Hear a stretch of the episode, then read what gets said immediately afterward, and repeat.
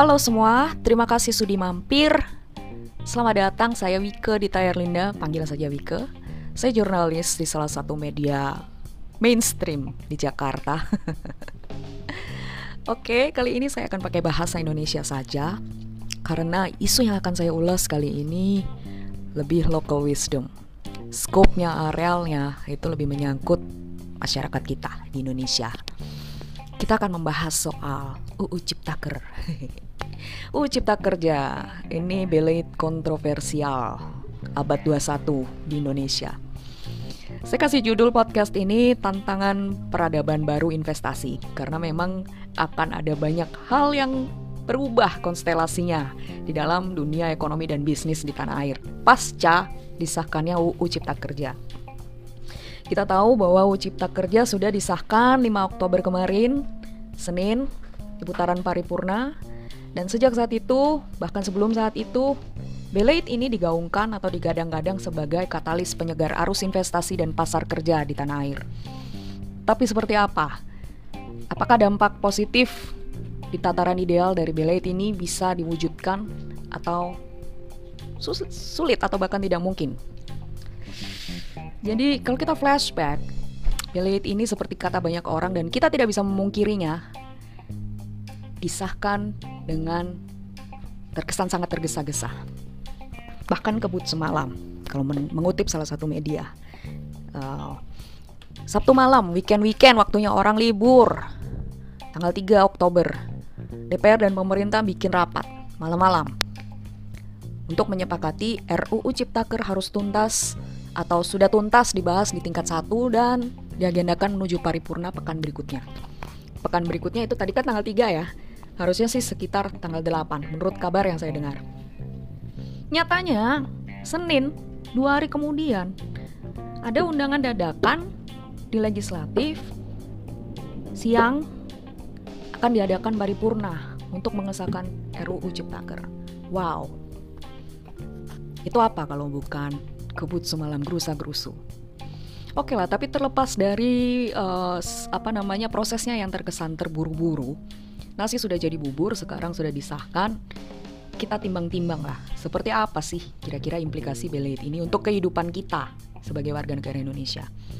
Kalau kita mengutip dat, uh, statement dari Menteri Koordinator Bidang Perekonomian, Si Erlangga Hartarto, uh, dia yang mewakili pemerintah dalam pembahasan Omnibus Law Cipta Kerja.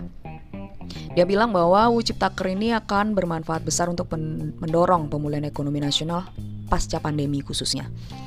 Nah, selama ini kalau menurut klaim pemerintah masalah yang kerap menghambat peningkatan investasi dan pembukaan lapangan kerja di Indonesia adalah proses perizinan berusaha yang rumit, panjang, ribet, lama.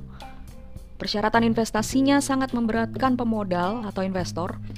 Pengadaan lahan juga sulit, Lalu pemberdayaan UMKM dan kooperasinya juga belum optimal. Nah, isu-isu tersebut diklaim akan tuntas dengan adanya UU Cipta Kerja.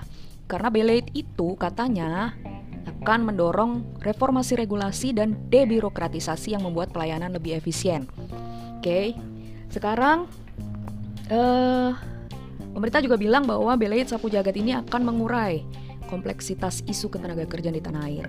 Udah rahasia umum bahwa isu ketenaga kerjaan, aturan-aturan regulasi-regulasi seputar naker di Indonesia itu dianggap sebagai batu penghambat bagi investor untuk investasi karena serba uncertain, serba dalam tanda kutip dinilai memberatkan bagi pengusaha dan dalam banyak kasus dipolitisasi isu naker di tanah air. Nah, dengan demikian sesudah mengesahkan UU Ciptaker ini, apa sih target-target yang ingin dicapai pemerintah? Satu, perbaikan drastis dari struktur ekonomi nasional, sehingga Indonesia bisa meraup atau mencapai angka pertumbuhan ekonomi di kisaran 5,7 hingga 6 persen. Lompat jauh ya, sekarang kuartal 2 2020 aja kemarin kita minus 5 persen. Terus nanti kuartal 3 dalam beberapa hari kita akan mendapat konfirmasi langsung dari BPS pengumuman PDB kuartal 3 yang mengonfirmasi resesi. Ya, untuk bisa naik ke level 5,7 sampai 6 persen per tahun, it's it's it's a it's a daunting task. It's ambitious, I think, and the government must do a very hard work to make it happen. Target lain yang mau dicapai lewat UU Cipta Kerja. Penciptaan lapangan kerja baru sebanyak 2,7 sampai 3 juta per tahun. Naik dari rata saat ini sebanyak 2 juta per tahun. Bukan saat ini, Ding. Rata sebelum pandemi. 2 juta per tahun. Selama pandemi pembukaan lapangan kerja agak seret. Tapi normalnya 2 juta per tahun. Mau dinaikin jadi sekitar 2,7 sampai 3 juta. Terus target lainnya investasi bisa naik sebesar 6,6 sampai 7 persen per tahun. Terus konsumsi bisa di, level 5,4 sampai 5,6 per tahun. Oke, itu tadi pembukaannya. Klaim-klaim dan harapan harapan-harapan yang ingin dicapai pemerintah melalui UU Cipta Kerja. Tapi uh, sebenarnya seber, seberapa realistis target-target tersebut, pemetaan-pemetaan tersebut untuk diwujudkan. Kita bedah cluster itu nggak akan ada habisnya. Nanti uh, di kesempatan berikutnya saya akan membahas khusus tentang beberapa pasal yang kontroversial di dalam UU ini. Tapi sekarang saya uh, jelaskan atau saya bahas secara umum dulu.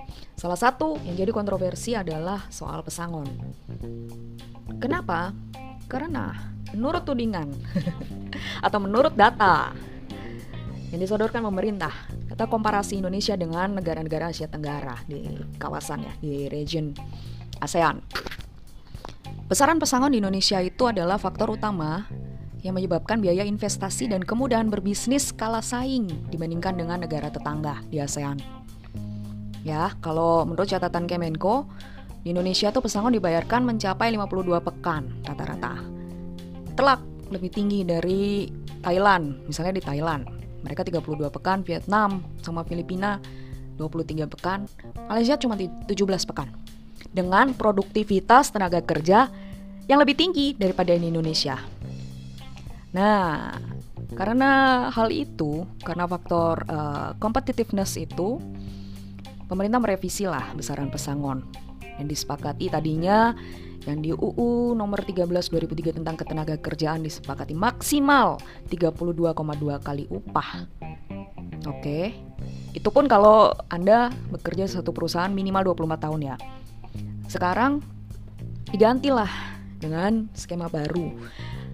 Uh, oh ya sorry, tadi yang 32,2 kali upah itu sepenuhnya ditanggung oleh perusahaan. Cuman kalau menurut klaim pemerintah, selama UU Naker UU 13 2003 itu uh, hanya sekitar 7% perusahaan di Indonesia yang uh, comply dengan aturan tersebut membayar utuh 32 kali upah uh, untuk pesangon baik untuk yang pensiun maupun korban PHK maksimal itu ya bukan otomatis dapat segitu tapi maksimal dengan kalau kamu kerja di perusahaan itu minimal 24 tahun baru bisa dapat maksimal 32 itu tadi oke balik lagi ke Ciptaker Aturan itu sekarang direvisi.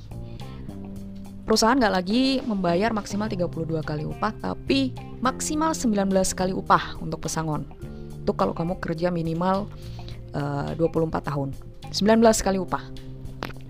Ditambah dengan skema baru yang namanya jaminan kehilangan pekerjaan, JKP. Skema baru ini uh, sebanyak enam kali uh, dibayarkan sebanyak enam kali dalam bentuk uang tunai. Begitu janjinya pemerintah dan itu ditanggung oleh pemerintah. Oke. Nanti saya di sesi khusus saya akan membahas tuntas soal ini, tapi seperti yang saya bilang tadi ini kita umum-umumnya dulu. Nah, kalau menurut kalangan pengusaha, uh, misalnya nih saya mengutip Ketua Umum Asosiasi Pengusaha Indonesia (APindo), Haryadi Sukamdani dia memastikan nantinya korban PHK itu tetap akan menerima jaminan kehilangan pekerjaan. Jadi nggak akan uh, kehilangan apa ya unemployment benefit yang selama ini ditanggung perusahaan sekarang tuh kayak burden sharing aja meskipun besarannya nggak sebesar dulu begitu. Jadi dengan demikian kalau menurut Haryadi pengusaha itu ke depannya nggak akan lagi dipusingkan dengan urusan pemberian pesangon karena orientasi pengusaha dalam memberikan kerja adalah lebih pada upaya mempertahankan pekerja untuk jangka panjang. Karena prinsipnya menurut mereka, makin banyak orang yang bekerja di sektor formal dalam rentang yang panjang, perekonomian akan makin kuat. Oke, memang dunia usaha berkepentingan agar ekonomi kuat karena dengan demikian daya beli akan naik. Saat daya beli naik, barang produksi yang dibikin sama pengusaha itu pun juga bisa terserap dengan baik. Nah, tapi perspektif berbeda dari kalangan pekerja. Saya sendiri juga termasuk kalangan pekerja karena saya belum bisa menggaji orang. saya masih mengandalkan upah dari sebuah perusahaan. Oke, kalangan pekerja telak dia uh, mereka mementahkan, menegasikan uh, aturan baru soal pesangon ini salah satunya di dalam UU Ciptaker. Kalau kita mengutip Presiden Konfederasi Serikat Pekerja Indonesia, si Said Iqbal, ya sebenarnya pekerja atau mereka bisa maklum sih kalau JKP tadi itu dimaksudkan sebagai bentuk perhatian pemerintah agar korban PHK tidak terlalu lama mencari pekerjaan atau menyesuaikan dengan pekerjaan yang baru. Tapi, ada tapinya. Pekerja butuh kejelasan dari skema JKP itu, baik untuk pegawai tetap maupun yang kontrak. Soalnya menurut menurut Said nih, mustahil mustahil anggaran pemerintah tuh dapat menanggung sebagian be uh, beban pesangon dari seluruh pekerja yang terdampak PHK. Jadi skemanya kalau mau dibayar sama pemerintah, dari mana anggarannya? Emang cukup karena kita masih butuh anggaran untuk uh, perbaikan ekonomi uh, mengatasi resesi, pemulihan ekonomi pasca pandemi, kemudian uh, subsidi gaji untuk korban PHK selama pandemi. Apa benar dana APBN cukup untuk membayar pesangon sebanyak 6 bulan upah ditanggung pemerintah?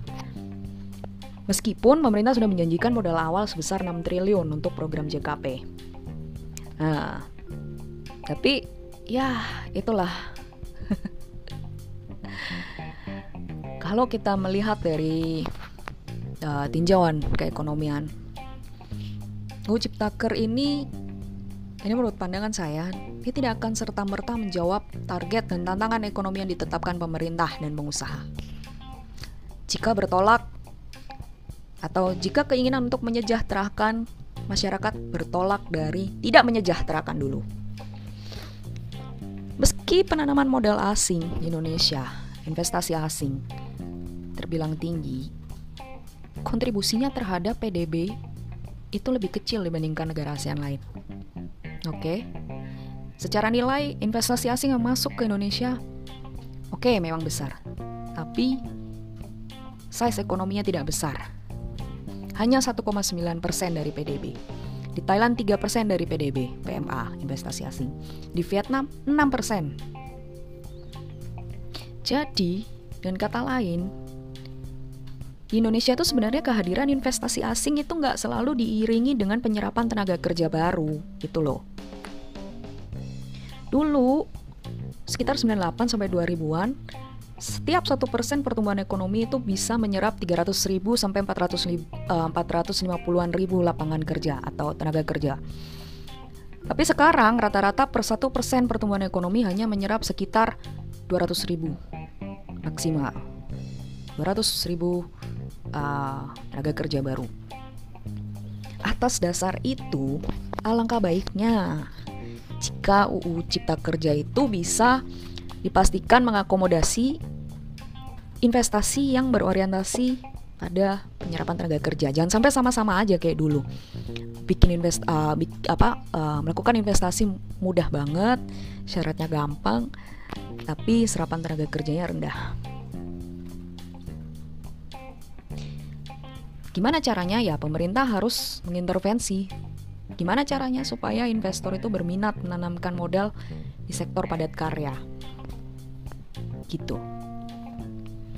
Kita harus memastikan supaya UU Ciptaker itu nggak larinya itu ke industri padat modal, karena kita juga butuh mengatasi bonus demografi. Jangan sampai angkatan kerja yang begitu banyak, 200 jutaan orang di Indonesia, justru menjadi beban.